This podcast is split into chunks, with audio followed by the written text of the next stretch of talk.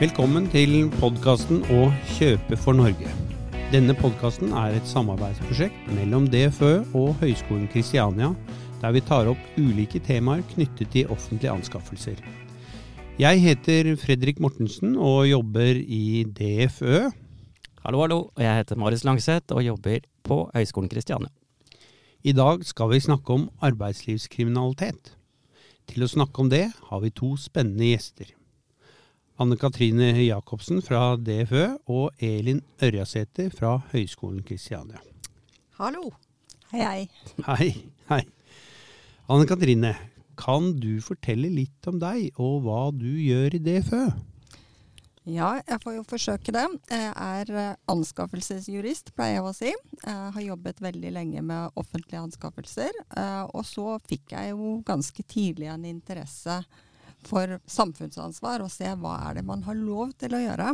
Så i DFØ så er jeg veldig heldig å få lov til å jobbe med arbeidslivskriminalitet i offentlige kontrakter, eller hvordan vi kan forhindre og bekjempe, da, for å si det sånn. Vi, vi jobber jo ikke med kriminalitet. Mm. Um, og selvfølgelig anskaffelsesregelverket generelt.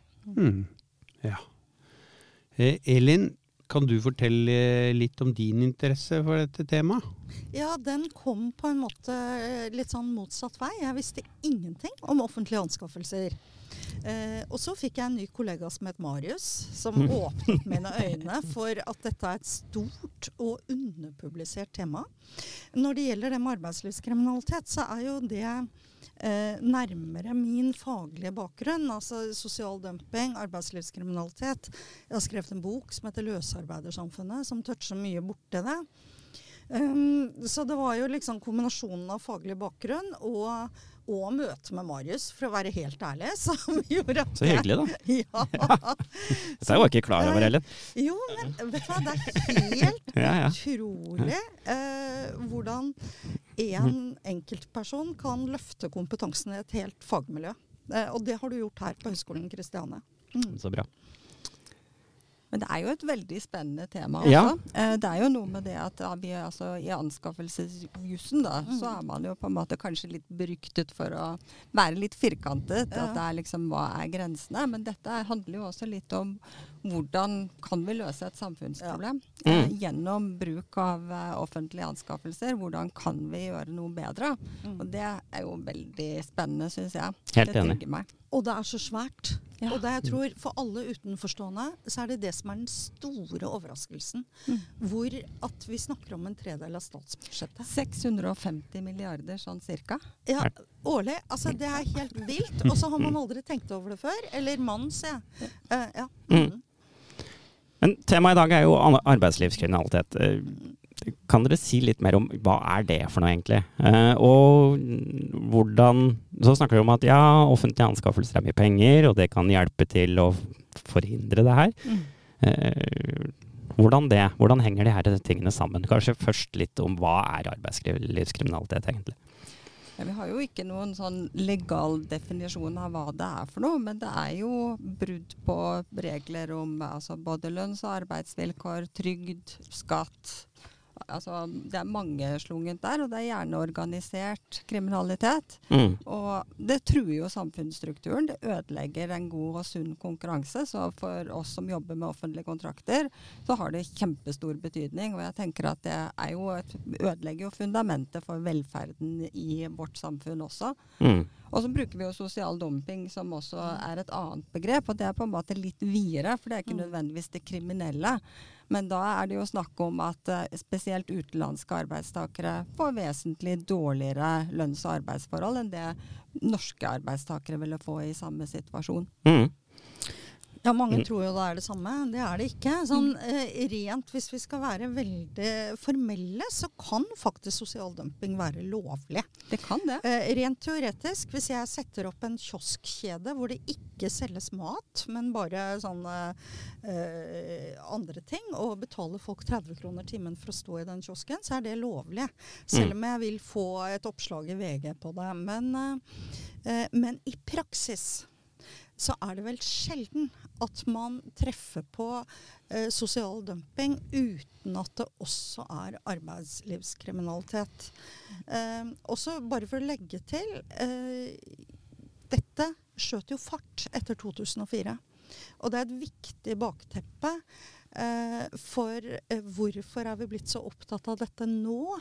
Det har alltid vært litt sånn snusk, rusk snusk. eh, Litt småsvart arbeid rundt omkring. Men Mm. etter 2004, hvor EU åpnet opp mot Øst-Europa, så eh, ble dette plutselig et mye større og tyngre problem, særlig i noen bransjer. Type bygg, renhold. Mm. Og transport vil jeg si har jo kommet som en kule. Hadde, ja, dessverre. Mm. Mm. Og det er jo sånn at vi har ikke noe minstelønn i Norge. Eh, og det er jo også viktig å få med seg. Mm. For etter EU-øst-utvidelsen så begynte man jo å bruke dette allmenngjøringsinstituttet. Altså at noen deler av eh, tariffavtaler ble såkalt allmenngjort. Mm. Så gjort til forskrift. Og det er jo disse litt trøbbelbransjene. Mm. Bygg og anlegg, transport, renhold. Og det er, det er jo en del sånne nå. Ja, det å allmenngjøre en tariffavtale for, hadde jeg nær sagt, nye lyttere av podkasten, det, eh, det betyr at lønns- og arbeidstidssatsene i en tariffavtale gjøres til norsk lov. Mm. Så selv om bedriften ikke har sett snurten av en tariffavtale, så gjelder satse for lønn og arbeidstid, og det er da ni tariffavtaler nå vel, Ja. hvor det er allmenngjort. Eh, og hvor eh, bygg og renhold er eh, blant de største. Mm. Nå har det jo akkurat vært en uh, runde med transport på disse små Mm. budbilene, så jeg forsto at det ble ikke allmenngjøring i den bransjen. Og det, Og det er, det er trøbbelbransje, det. Fordi at jeg hadde jo håpet at det ble allmenngjort, men det hadde ikke løst alle problemer. For i den bransjen så er jo ofte sjåførene selvstendig næringsdrivende. Mm. Og det er ofte det vi kaller en feilklassifisering. At de burde vært ansatt. Mm. Uh, så dette er hver gang mannen min blir forbanna fordi han får dårlig service når han har bestilt en eller annen vaskemaskin, eller noe sånt, så blir jeg forbanna på han. Og så sier jeg bli nå ikke sur på sjåførene, da. Mm. Fordi at du aner ikke hvilke vilkår de jobber under. Mm. Så har vi jo også det andre, da, Mm. motsatsen til uh, allmenngjorte tariffavtaler. Så har vi jo det vi kaller landsomfattende tariffavtaler, Mm. som da gjelder mer for en bran bransje og et geografisk område. Og da er det jo også sånn, og det er jo interessant, at hvis du ikke har en såkalt landsomfattende tariffavtale eller en allmenngjøringsforskrift, så har du altså Da er vi tilbake til de 30 kronene Mm. timen som Elin snakket om. Det kan være lovlig moralsk sett. Kanskje man ville få en fordømmelse for det, men du har lov, Ja. faktisk. Jeg, er, jeg er jo litt sånn nysgjerrig, for at ok, det her øh, Jeg hører jo hva dere snakker om. Eh, og allmenngjøring og ikke allmenngjøring osv. Jeg tenker liksom Ok, hvis jeg nå er en offentlig innkjøper der ute, da. Mm. Eh, og så vil jeg jo ikke bruke fellesskapets midler på mm, ja, ting som ikke er bra. Eh, hva, hva skal jeg gjøre, da? Hva, jeg tenker jo, Ofte så pleier jeg å tenke sånn at uh, hver gang du bruker en krone, så er du med og gir en stemme til et eller annet. Mm. Og når vi skal bruke fellesskapets penger, så ønsker vi å gi en stemme til ting som er bra. Kan dere si litt mer om det? Hvordan henger det her sammen med innkjøperens hverdag? Hva Innkjøperen har jo mange regler. Her har vi jo lov og forskrift om offentlige anskaffelser, først Ja. og fremst. Eh, Og det er jo det viktige rammeverket. Og altså etter at den nye loven, jeg sier fortsatt nye loven, som trådte i kraft i 2017, Mm. eh, så kom det jo inn eh, liksom økte muligheter for å ta samfunnsansvar. Og man har jo også hjemmel der til forskriften på lønns- og arbeidsvilkår, eh, og det er jo et kjempeviktig redskap. Men jeg tror det er viktig her også at eh, man bruker det generelle anskaffelsesregelverket, og med det så tenker jeg at eh, Innkjøperne må jo prøve å avvise kriminelle og useriøse leverandører eh, hvis de klarer å dokumentere at eh, reglene er Altså at, at vilkårene for å bruke avvisningsbestemmelsene er oppfylt. mm. For det er jo alltid bedre å unngå noen f- og ikke komme i et kontraktsforhold til de. Eh, Det var én kommune hvor de sa det, han har aldri vært og sa er du helt sikker, liksom, kan du tenke deg om? Og så kom han på ja ja, og da kjørte vi bilen opp på fjellet og, eh, og liksom skulle undersøke, og vet du hva, da sprang de i joggebukser innover fjellet! Og det er for meg både en fantastisk bilde på nærheten i en liten kommune, men også på en måte mangelen på eh, system i oppfølgingen. For da hadde de fått et tips av en nabo eller et eller annet. Mm. Mm. Men jeg syns jo det oppsummerer veldig godt Ja. å beskrive situasjonen. Fordi at eh, hvis du ikke har ressurser Mm. og kompetanse Mm. til å faktisk gjøre kontroll og følge opp kontraktene, så vil du jo heller ikke avdekke der hvor det har skjedd noe, Mm. eller hvor det er kriminelle forhold Mm. på kontraktene. Så da, vil du på en måte gå ditt hus forbi, eh, Mm. bokstavelig talt. Mm. Og det er jo det som er den store utfordringen her. At eh, det er veldig mange kommuner som Jeg syns de, de gjør veldig mye. Og det er, liksom, man har jo kommunale seriøsitetsmodeller. Det er jo ikke bare Oslo kommune med Oslo-modellen og, og sånn som, som holder på med det. Det er jo veldig mange små kommuner også som stiller veldig strenge seriøsitetskrav. Mm. Men har ikke det litt med tilfeldigheter å gjøre, som kommunerepresentantenes personlige engasjement? Ja, jeg tror det, har, det, er jo på, det må jo komme fra et politisk Ja. eh, ståsted.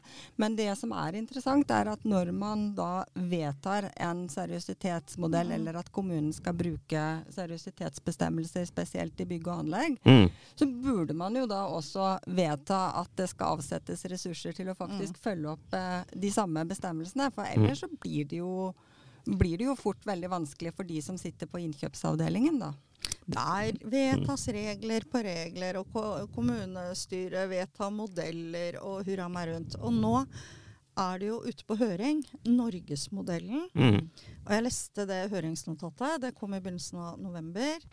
Og jeg ble litt oppgitt. For nå skal ikke sant? regler på regler på regler. Og jeg snakker kun på vegne av meg selv, som fri akademiker. Så dere andre skal slippe å kommentere det. Men, men er det noe vits i å vedta regler om at reglene skal bli fulgt, hvis man ikke samtidig gjør en omprioritering av ressurser? Mm. Fordi folk lar jo ikke være å følge opp fordi de er dumme eller, eller ondsinnede eller ikke syns det er viktig. De lar være å følge opp fordi de ikke har tid. Mm. Mm. Risikoen for at både å bli tatt, men også for konsekvensen av å bli tatt ved å kjøpt inn noe fra en kriminell aktør, ble ikke opplevd som stor. Mm. Hva skal til da for at det skal bli bedre? Ja, det er jo dette med at vi må få økt etterlevelse. Vi må få til en, eh, en økt kontroll. Eh, altså Hvis offentlige oppdragsgivere faktisk gjennomfører kontrollplikten og klarer å dokumentere det, at man har på en måte gode systemer og rutiner for både risikovurderinger da i hele avtaleporteføljen sin, være gode på å plukke ut de kontraktene hvor det er risiko for å ha kriminelle inne. Og også da følger opp gjennom hele kontraktens levetid. Og ikke minst da at det får en konsekvens. Mm. Eh, Det tror jeg er viktig eh, at vi jobber med, for da gjør man det jo veldig mye vanskeligere. Og så er det kanskje en utfordring at jo bedre det offentlige blir, eh, jo mer vil de kriminelle da kanskje gå over på privatmarkedene. Ja. Mm. Eh, og det fins jo mer drastiske tiltak, da. Men eh, Og så er det kontrolletatene. De Ja. bør jo altså Jeg vet ikke hvor mye vi skal si om det, Fredrik, fra DFØ sin ståsted. Men det er klart at jeg tror det er viktig at Arbeidstilsynet gjennomfører kontroller. Og at de kanskje også bruker overtredelse, eller muligheten til å ilegge overtredelsesgebyr der hvor offentlige virksomheter faktisk ikke har gjort jobben sin. Mm. Men du, nå skal jeg for en gangs skyld si noe pent om NRK. De har hatt en fantastisk god artikkel, eh, og jeg tror det er i dag. Hvilken dato er det i dag, Marius? 17.